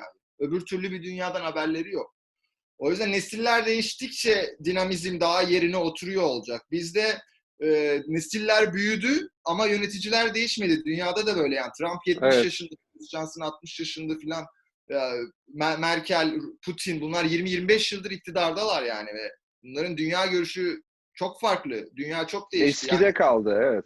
abi telefon kullanmayı bilmeyen adam nasıl bir yönetici olabilir ki? Cep telefonu nasıl kullanacağını bilmeyen birisi ya da bilgisayar kullanmayı bilmeyen birisi. O Abi yüzden Abi 85 sonrası 85 sonrası neslin getireceği büyük bir değişim olduğu aşikar. Ama ne zaman? Ne zaman getirecekler yani? Ya bu 10 yıl işte. Ya belki korona bunu hızlandırdı diyebiliriz. Yani bence korona bunu Ya bunu bunu sanki Avrupa için konuşurmuşuz da Türkiye için biraz daha sonra konuşurmuşuz gibi geliyor bana. normalde öyle olurdu da e, şu anki iktidar 20 yıldır iktidarda. Hani şu anki iktidarın 10. yılı falan olsa derdik ki bunlar daha yürür. Ama bizde de reis geldi 70 yaşına. Hani şey de yok. e, siyaset dediğin şey bir şey istiyor, aksiyon istiyor. 24 saat ayakta durmayı istiyor falan filan. Sürekli gevezelik etmen gerekiyor falan. Zor bir Evet. iş yani. 70-75 yaşında 20 yıl, 25 yıl bu işi yaptıktan sonra Yorucu. hem yorucu, Yorucu. hem de kendini yenilemen lazım. E, kendini yenileyemediğini gördüğümüz için zaten şu an bir şeylerin problemi göze batıyor. Evet. Kendini yenileyemezsen iyice göze batıyor yani şu dönemde özellikle. Zaten sorunlar silsilesi. Yani 2020-25 arası Türkiye e, daha farklı bir yönetim kadrosuna sahip olacaktır yani. Çünkü taşımıyor. Hani ekonomik yükü, Türkiye'nin ekonomik yükü e, 800-900 milyar dolardı. Şimdi 700'lere düştü. E, Belli ki 600'lere düşecek çünkü hani döviz de yükseliyor vesaire. Hı hı. E, bu insanları sen buraya alıştırdın. Şimdi burayı layık görüyorsun ve alttan başka bir nesil geliyor. Bu bu yeni neslin için e, telefon, cep telefonu bunlar lüks değil ki. Yani sen bunu lüks diye satıyordun iktidara Olağan. gel. Evet. Evet bunların olağanı bu ama lüks gibi oldu şimdi. Her şey pahalı. Cep telefonu alamıyor çocuk. 10 yıl önce çok ucuzdu. iPhone 1000 liraydı. Şimdi alamıyor falan iPhone'u. Hayır taşımıyor o yükü e, bugünün şartları. O yüzden ya buna adapte olacak kadroları getireceksin. Dünya ile entegre olacaksın. Ya da baş, halk entegre olmuş birilerini getirir zaten. Ya da ya zaten an- anlatamazsın ki şimdi bizi düşündüğümde belki bir ihtimal yani bizimkiler anlatıyordu işte biz çok kuyruk bekledik de işte tereyağının kuyruğu da eczane kuyruğu, hastane kuyruğu böyle Evet. iğrenç iğrenç anılar. Evet onlara hak veriyorsun ama ben görmedim. E, Benden sonrasına zaten anlatamam yani. Nasıl anlatacağım? Adamın umurunda olmaz abi. Ben dünyayı görüyorum. Amerika'da böyleymiş baba. İşte abi Evet, İngiltere'de yani. böyle sistem yani. Beni ilgilendirir mi bunun kim yaptıysa yaptı. Allah razı olsun o kadar yani. Bir de çok Önümüze normal. bakalım. 1980'de bazı zorluklar var. E normal o zorlukların olması abi. Teknoloji yok. Yani uçak teknolojisi bu kadar gelişmemiş, sıradanlaşmamış. Evet. Hiçbir şey bu kadar sıradan değil. O zaman onu yaşamak absürt değil. Yani 1980'de dünyaya gitsek e, refah seviyesinde ülke sayısı bir elin parmağını geçmez zaten. Çoğu ülke orta sınıflarını yeni yeni büyütüyor zaten. Evet. sonra. Ama 21. yüzyılda enflasyonla boğuşan 2-3 ülke var. Yani kimse kalmadı bu işlerle sorun yaşayan. İşte Merkez Bankası'na karışan ya da işte ekonomiyi, ekonomiyi bilmeyenlerin gevezeliğinde döndürdüğü çok az ülke var. Bu işler çözülmüş. Kimse buralarla Evet. uğraşmıyor yani. O yüzden o farklı 2020'de sorun yaşıyor olmak, ekonomiyi 1980-70'teki hatalarla bozmak falan komik geliyor artık ama işte dediğim gibi halk ölmüyor ki. Halk şu an hala devam yaşıyor. E, eski bagajlar da var. Ama nüfus değişikliği iyi. Yani AKP'ye oy verenler, 2002'de oy verenlerin e, bir kısmı öldü. Yani birkaç milyonu öldü yani yaşlanıp öldüler. E, 2002'de AKP'ye oy ve- dünyada olmayanlar 2002 yılında şu- an oy verecekler yani. Evet 2002 doğumlular şu an oy Evet, verecek mesela. oy. Hatta geçen hashtag de açtılar. YKS sınav Evet. tarihinin değişmesiyle öfkelenen bir ergen sınıfı var. Herhalde Yani o yüzden hani devirecekler AKP, birilerini. AKP oy kaybediyor doğru bir laf değil. AKP'nin belli bir oyu var. Bu oy azalma nedeni oy verenlerin ölmesi. Eğer sen çağa adapte olursan yeni gelenler de sana oy verir. Adapte olmazsan yeni gelenler başka yere gider. Sen de oy kaybetmiş olursun. Hayat Evet. devam eder yani kaldığı yerde. Çok olağan bir durum yani. Evet, evet, Göreceğiz yapacak- ama. Gör- Göreceğiz. görüyoruz ya. Merakla, merakla bekliyorum yani ben. Ya Bu gidişatı şey- da şimdi biz zaten bunu konuşuyorduk tamam mı? Biz e, zaten bekliyorduk yani. Bir de senin senin bir de çok öngörün var dayı. Yani sen anlatıyorsun. Biz de biz de böyle ekonomik senin e, tahminlerini dinliyoruz. Birçoğu da tutuyor, birçoğu tutmuyor. Okey. Şimdi biz bunları konuşurken korona yoktu daha. Öyle bir gerçek var. Şimdi korona gibi bir e, ekonomik de bir bela var yani işin virüs kısmının dışında. Şu an gerçekten çok merakla bekliyorum yani bizi nasıl bir e, sonun ya da yeni bir başlangıcın beklediğini. ya son İşte yok. tahminim yok yani. Hayat hep akacak yani. Birileri bundan çok büyük zararlar görür. Hatta Evet. yani belirsiz bir sürece de gidebilirsin yani. iktidar iktidar her zaman kolayca gitmez. Bir seçimle gitmez. Tarihte örnekleri var yani. Bayağı sorunlu Evet. durumlar yaşatır sana. Ama işin sonunda bunlar e, tarihin içinde çok küçük süreler. Yani bunlar 5 yıl, 10 yıl bile sürse tarihin içinde ufak süreler bunlar yani. Hayat hep akmaya devam etmiş. Yani 1800 yılında çok korkunç şeyler yaşanmış. Doğru. Akmaya devam etmiş. 19 Birinci, İkinci Dünya Savaşı'ndan sonra hayat geriye doğru gitmiyor. Bir takılıyor bir yerlere ama akmaya devam ediyor yani. Daha fazla insanı memnun edecek şekilde her seferinde. O Ya yüzden ileride- birilerini, birilerini üzecek ama belli ki yani bu süre. Daha o birileri de çok az değil yani. Çok çok üzülüyor. O da işte yapacak bir şey yok yani. E, ne derler adına? Silah birinin elinde yani. Mermisi bitene kadar sıkıyor kimi zaman. Kimi zaman da diyor ki ya ben artık bu silahı kullanmak istemiyorum. E sen onun vicdanına kaldıysan işin zor. Başka ama elinde de başka bir mevzu yok yani. yani Birileri şey sanki silah sıkacak gibi. Türkiye'nin ama bir faydalı yani hem kötü genel anlamda kötü bir durum var Türkiye'de. Bizde şey yok. e, stok maden falan yok. Petrol, doğalgaz vesaire gibi. E, mesela tarihe baktığın zaman bu 20. yüzyıla baktığın zaman işte Libya otoriter rejime sahip. İşte Venezuela'da var. İşte şu an Rusya'da var. İşte Çin'de parti devleti odaklı var aslında. Ee, İran'da var falan. Ya bunların biraz dayanma gücü şeyden geliyor hani. Bir şekilde petrol vesaire hazır dönüyor. Tüm her şey bozulsa bile, tüm endüstriyi sıçsan bile, ambargo uygulasan bile en azından devlet kadrolarını sistemi yürütmeye yardımcı olacak birkaç milyonu doyurabiliyorsun. Otoriteyi sağlama alacak şekilde para döndürüşü yapabiliyorsun. Türkiye'de bunlar yok. Türkiye iki yıl yanlış yönetilse enflasyon fırlar, dövizi kurtaramazsın, endüstri Evet. bozulur vesaire. E, halkı da besleyemezsin bir yerden sonra. O yüzden Türkiye'de böyle bir şeylerin kötü gitme süresi 3-5 senedir. Sonra baştan başlamak zorundasın. Bir şekilde düzeltmek zorundasın. Yoksa git- Abi bu da çok kötü abi. Sürekli sıfır yani. Sürekli sıfırdan yeniden başlıyor düzeltmek için yani. bizim tarihimizde 78'de işte bu yağ kuyruğu falan mevzusu 78-79 80'de hop sıfırlıyorsun serbest rejime geçmek zorundasın. Çünkü çıkar yol kalmıyor yani. 2001'de krize giriyorsun hop sıfırdan abi tüm bankalar yenileniyor falan. Yok çünkü gidemiyorsun yani.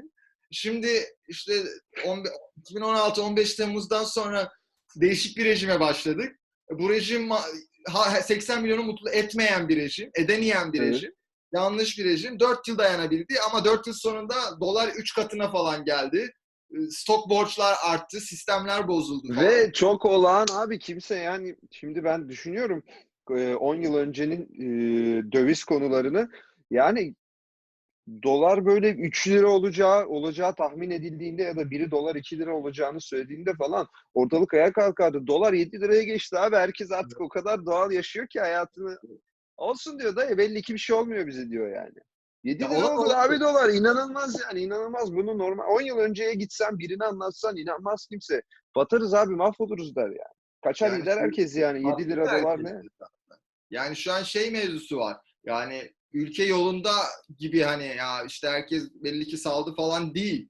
İnsanlar şöyle biraz düşünüyor. Ya konuşsam çaresiz yani. Ne yap konuşsam ba- başıma iş geliyor. Konuşmayayım. Ama buradan kendime bir delik arayayım bari diyor yani karnımı doyuracak. Aslında insanlar mutlu olduğundan değil ki. Konuşursa daha mutsuz olacağını biliyorlar yani. Öyle bir şartlar var ama bu şartlar dediğim gibi hayatın akışının içinde var hep. Hep var yani. Bize bize dönük değil. Bize özel değil. Ha ben mesela Türkiye'den çıktım abi. Yani ben vatanımı terk ettim. Dedim ki bu ülkede yaşanmaz. Yani ve dedim gidiyorum ben yani. Ve çok zor bir hayat yaşadım. Ve iyi, aynen iyi, iyi şartlara da gitmedin bu arada. Hani şey değil. Kimse Evet, yanlış evet. anlamasın. Yani Lo- Londra'ya böyle paranın, işin, e, refahın göbeğine de gitmedin yani. İngiltere'nin Yozgat'ında e, günlük çok düşük ücretlere çalışmaya gittin aslında. 30 liraya bulaşık yıkıyordum ya her gün. Yani çok zordu ya şartlarımız. Vallahi berbattı yani de. Yani buradan havuzlu villaya geçmedin direkt yani. Gerçi Evet. hala villanda havuz yok değil mi? Villamda havuz yok da güzel ya villa. En azından iki yılda bir... O onun motivasyonu var mesela. Ben bunu kendi kendi aramızda konuşuyoruz. Bize sağlayan motivasyon o zaten. Burada çalışıyorsun, karşılığında bir şey alıyorsun ve bunun bir değeri var. Ve bununla bir şeyler yapabiliyorsun. İşte bankalar açık, iş kurma konusu. Ben mesela kafe açtım Bahariye'de. Her gün polis geliyordu zabıta. Öne attığım sandalyeyi kaldır, kaldır, kaldır. Çaldılar birinde, götürdüler falan, attılar. Abi gene patlattın bizi. Asaf oldu. Evet ya Zoom'dan düşüp duruyorum ya. Tam şeyden Abi- bahsettin değil mi? Buraya geldim, niye geldim? Yok, Türkiye'de şeytan- neler yapıyordum? Hayır, hayır tam şey tam şeyi söylüyordum ben. Sizin karşı dükkandan eee sucu sucu vardı. Sucu komşun senin. İş yeri komşun. Onun bir Hyundai Starex'i vardı böyle iğrenç yani vitesi Abi. değişmeyen bir Hyundai Starex'ini alıp senin eee zabıtaların çaldığı o platformu ve şeyi varmıştık değil mi? Bir de korkuluk mu? Rüzgar engelleyici bir Evet, panelin evet. vardı. Öyle bir şey vardı. Onları Abi. gidip böyle rica minnet almaya çalışmıştık hatırlıyorum Yani şeyde. Bu Ataşehir'de yüzden. İngiltere'deyim. Ben orayı açtığımda 26 yaşındayım. Kafe açma niyetim var. Başka fikirlerim var falan. Karşılaştığım mevzu ne? Öne koyduğum bir, bir masalık platform de, zabıtalar arıyor.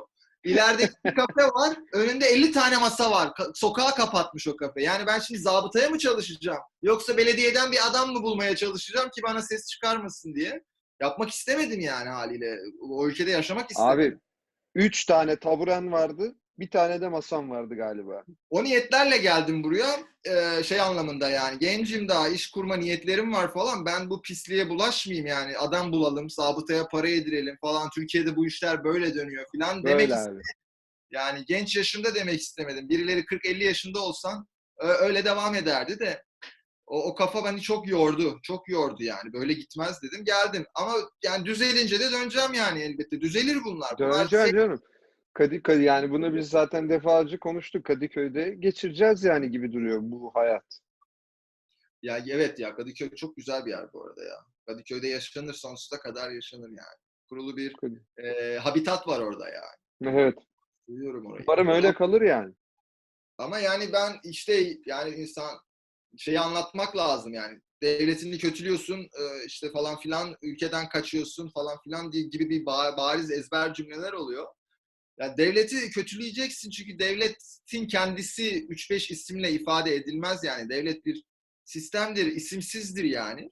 Şu an baştakiler bir şeyleri yanlış yapıyorsa elbette kötüleyeceksin. Onlar bizim babamız diyecek değiliz. Demezsek zaten daha beter kötüleşir yani. Bir şeyleri Yani şikayetçi Devleti devleti seviyorsan isimleri kötülemen lazım ki devleti kurtarmaya devam ediyor ya da çorbada bir tuzun olsun.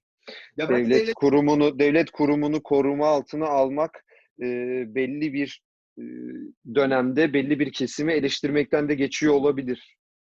ya sürekli sürekli bunu dur, duracağı zaman da yok bunun. Kim olursa olsun sürekli eleştiriliyor olması lazım. Sürekli. Ya yanlış da olsa eleştiriliyor olması lazım bu arada. Birilerinin aklına soru işareti yollamazsan e, cevap aranmaz. Hep soru Evet. işareti yolluyor olman lazım ki bana hesap ver, bana hesap ver, bana hesap ver diye. Umarım zaman yani 2020'de yani dünya bayağı bu işi yani Romanya, Momanya, Bulgaristan falan bazı hukuksal normları oturtmuşken Türkiye'nin oturtamamış olması üzücü de yapacak da bir şey yok. Payımıza bu düşmüş yani. Çok da ağlayacak değiliz yani. İnsanlar bunları yaşamayı Çözeceğiz. öğreniyor sonuçta. Ya öğrendik Yani- canım. Zaten baktığın zaman şimdi böyle anlatıyoruz, atıp tutuyoruz ama bu kamerayı kapattıktan sonra hayatımıza devam edeceğiz. Evet, evet. Ee, Yani keyif de alacağız yani birçok insana göre. Çözeceğiz ama yani bunları da bir videolu konuşmuyoruz tabii bir şekilde. Bu konuları bu konuları böyle konuşa konuşa yani ne yapabiliyorsak yani halledeceğiz işte de. Hem öğrendik hem çözeceğiz. Öyle yani bu niyetle ya da bu fikirle ilerliyoruz. ben yine aynı yerden yorumluyorum. Mesela 78'de ülke sıçtı batırdı. Nasıl çözüm neredeydi? İşte çözüm işte e, Avrupa ve Amerika merkezli bir reformdu. Serbest ticarete, serbest piyasaya geçecektim filan. Yatırımcı gelecekti, para gelecekti filan gibi şeyler. Denedik, hop çözüldü doğru ama bu halkın talebiyle oluşmuyor farkındaysan. İşler o noktaya geldiği için reform yapıyorsun. Ya tabii ki zaten tabii ki. 2001'de de öyle oldu. Mesela şu an 2020 yılındayız. Halkta hala böyle bir talep yok. Ama yine mecburen o reformları yapacağız. Ama sonra bozmak zor olacak. Çünkü yani 2021 yılındayız artık yani öyle yani kimse e, eski eski değil artık ya. Her, en, en eski adam bile biraz yenileşti. Mecbur yenileşmeye yani eskinin hiç karşılığı yok artık. Evet yani zaten öyle bir yere gidiyoruz. Her şey değişiyor ama iş hayatımız e, işle ilgili yani business tarafıyla ilgili günlük rutinlerimiz değişecek mi? E, değişebiliyormuş abi yani bunu da gördük şimdi. Korona işte. Aynen korona korona çok şey değiştirdi. Değiştirecek de bununla ilgili hemen anketler de yapılmaya başladı yani yavaş yavaş önlemler gevşetilince insanların kaçı ofise dönmek istiyor ya da kaç büyük şirket e, binlerce insanı aynı ofise sığdırmaya artık mantıklı buluyor gibi tartışmalar başladı bile yani muhtemelen birçok iş artık değişmeye başlayacak. başladı. Bu ama şey, yani yoktan var olmadı. Ben bu konuyu mesela biz kendi aramızda tartışıyorduk. Şey konusuna geliyordum ben hep herkese. Ee, Hı. şimdi emlak dediğin şey, gayrimenkul dediğin şey nerede pahalı? Metropollerde pahalı, belli yerlerde. Ee, dünyaya sığmıyoruz düşüncesi neyden besleniyor? Çok kalabalığız düşüncesinden. Yo, yani git Hayır, Yozgat'a. belli yerlere toplandığında oluyor Evet, bu. Yani git Yozgat'a bomboş yani. Muğla'ya git boş hala birçok yer. E bu ama bu orada bulunmanın nedeni de e, para orada. Ofise gitmek zorundasın, fabrikalara gitmek zorundasın falan. İnternet bunu çözüyordu yavaş yavaş. Orada olmak zorunda değilsin. İnternet var artık falan filan. Ben diyorum ki işte dünya metropollere e, sıkışmak zorunda kalmadığı zaman insanlar 2000 lirayı bir e, apartman dairesine vereceğine denize nazır bir yerde Zonguldak'ta mesela bir villada oturacak o paraya. Hatta daha Evet. düşük parada oturuyor olacak. Hayır gayrimenkuller düşecek. Bu sayede aldığın maaşın çok yükselme zorunluluğu ortadan kalkacak. Orta sınıf bir maaşla güzel bir hayat yaşayabileceksin. Çünkü bunların hepsi yaygınlaştıkça fiyatları düşecek yani. Haliyle gelecek buna gidiyordu. Ben bunu 15-20 yıla oturur diye düşünüyordum. Ama korona hızlandıracak şimdi bunu. Hızlandırdı. yani İstanbul'da diyecek ki adam Maslak'a gelmene gerek yok artık.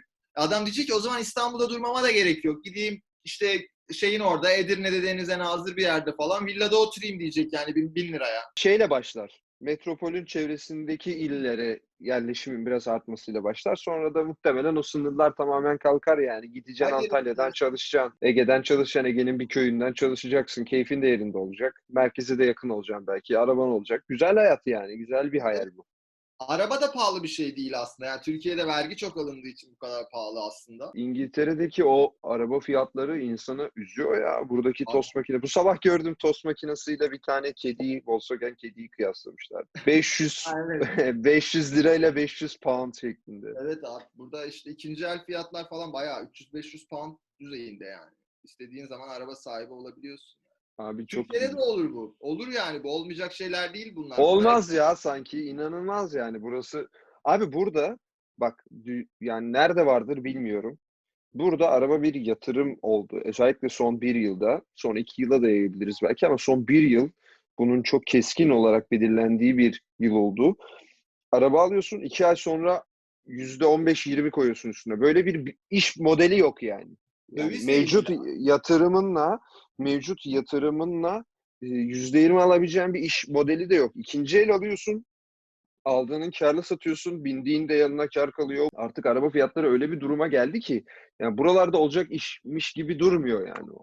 Şeyle alakası var. Türkiye yani 3 yıldır e, bir kriz krizimsi şeyler yaşıyor. İşte döviz fırlıyor vesaire, enflasyon fırlıyor. Bu da sana yeni çıktılar veriyor yani fırsatlar veriyor aslında. Kriz içi fırsatlar ama bunlar öyle stabil uzun vadeli şeyler olamazlar zaten yani. E, toplum bir yerden sonra oturtur düzenini. Her şeyi düzenine oturttuktan sonra da böyle kolay paralar böyle olmaz. Bir sektöre dönüşmez kolay paralar yani. E, bunlar da oturur zamanla. Biz sadece bunlara geç yetişiyoruz. Şansımızı küselim. Ama yani çok da şey de değil yani. Türkiye düşününce çok da kötü değil yani. E, olur bu kadar yani. Bu kadar olur zaten. Daha fazla. Ya en, en, kö- en, en kötüsü bu diyebilir miyiz şu an için? Bundan daha kötü olur mu? Bundan daha kötü şey olarak olur. Geçişte olur. Yani şu an Türkiye hala biz battık. işleri sıçtık batırdık ve bunun bir masrafı olacak. O yüzden bir şeyleri kesmek zorundayız. Bir, hiz- bir hizmetlerin bir kısmı gitmeyecek. Bir süre istihdam artmayacak. Ee, böyle problemler yaşayacağız demedi daha iktidar. İktidar hala her şey yolunda, harika gidiyoruz, hedeflere ulaşacağız falan filan dediği için e, daha kötüsü olacaktır illaki. Çünkü tedaviye başlamayı kabul etmeyen bir hasta gibi düşünüyorum Türkiye'yi. E, Evet. Tedaviye başlayınca bir süre hem ilaç alacaksın, iğne vurulacaksın, canın acıyacak biraz daha. Biraz hastanede yatacaksın, canın sıkılacak falan. O süreci yaşayacak Türkiye. Mecburen yaşayacak yani. Umarım kısa sürer diyoruz abi o zaman. Yani tedaviye başlamazsa işte şey gibi bu. Çok geç geldiniz vallahi. Çok uzun sürecek. Bir kısmını kaybettik diyecek doktor yani. Dediğim gibi geçiş bunlar hayat tarihin içinde çok küçük anlar. Sen bir de seversin yani. Sen senin bütün gelecek planlarında, tahminlerinde her şeyde çok umut vaat edici ve harika. Hayat akar gider ya. Hiç, şey hiç kötü, hiç kötü bir öngörün yok yani. Ama birilerinin mesela güzel yaşları heba oluyor. Yani mesela 20-25 ya mesela 2008 yılında doğan gençlerin üniversite hayatı çok kötü gitti. Yani dövizin Evet. fırladığı, festivallerin olmadığı, yabancı grupların gelmediği bir ortamda bir üniversite hayatı yaşadılar. Biranın Aynen. çok pahalı olduğu, içkinin çok pahalı olduğu falan. Her yerde nargile kafenin olduğu falan. Kötü bir Evet. ortam. Çeşitsiz bir ortam. Ee, O birilerinin nesli 5 yılı, 3 yılı, doğru yaşları, güzel yaşları yazık oluyor. Ama hayatta böyle yani ya. Yapacak da bir şey yok. Sevgili Asaf. Çok Ona uzattım. o evet biraz biraz konu konuyu açtı öyle laflamışız gitmiş Ben neredeyse. susmadım. Ben gene susmadım. ya. iki saat olmuş. iki saat olmuş. Asaf seni bölmeyince sen de hayatta bırakmıyorsun yani. Ben, ben sana söyledim ama beni kesmezsen o programda sadece ben konuşurum. Yok aksın gitsin canım. Ben keyif aldım. Seni niye keseyim? Seni dinlemekten keyif alıyorum. Ha, teşekkür Umarım birileri de umarım birileri de keyif alır bu programda. Ee, biz bugünlük bitirelim sevgili Asaf Vodbil. Evet bir paylaşalım zaten çok konuşuyorsun derlerse o zaman biraz Aynen öyle bir öyle bir yorum gelirse şey yaparız. kendimize çeki düzen veririz. ya. Aynen bir, bir, bir toparlarız. Belki ben belki ben biraz konuşurum abi. Belki diyecekler ki bu çocuk niye konuşmuyor? O sanki daha iyi konuşuyor falan da diyebilirler Asaf. Böyle yorumlar gelirse kendini üzme sakın. Asla canım çünkü yani zaten senin konuşmanı isterlerse bile ben daha çok konuşacağım ki. Sadece dikkatli olmaya çalışacağım. yani. Aynen. Abi öpüyorum seni. Kendine çok iyi bak inşallah. Görüşürüz. Yakında bunu yayınlarız. Haftada bir de bunu yapmak istiyoruz bu arada. Umarım yapabiliriz. Evet, yapabiliriz ya. Neden olmasın? Senin senin e, podcast'ini dinledim.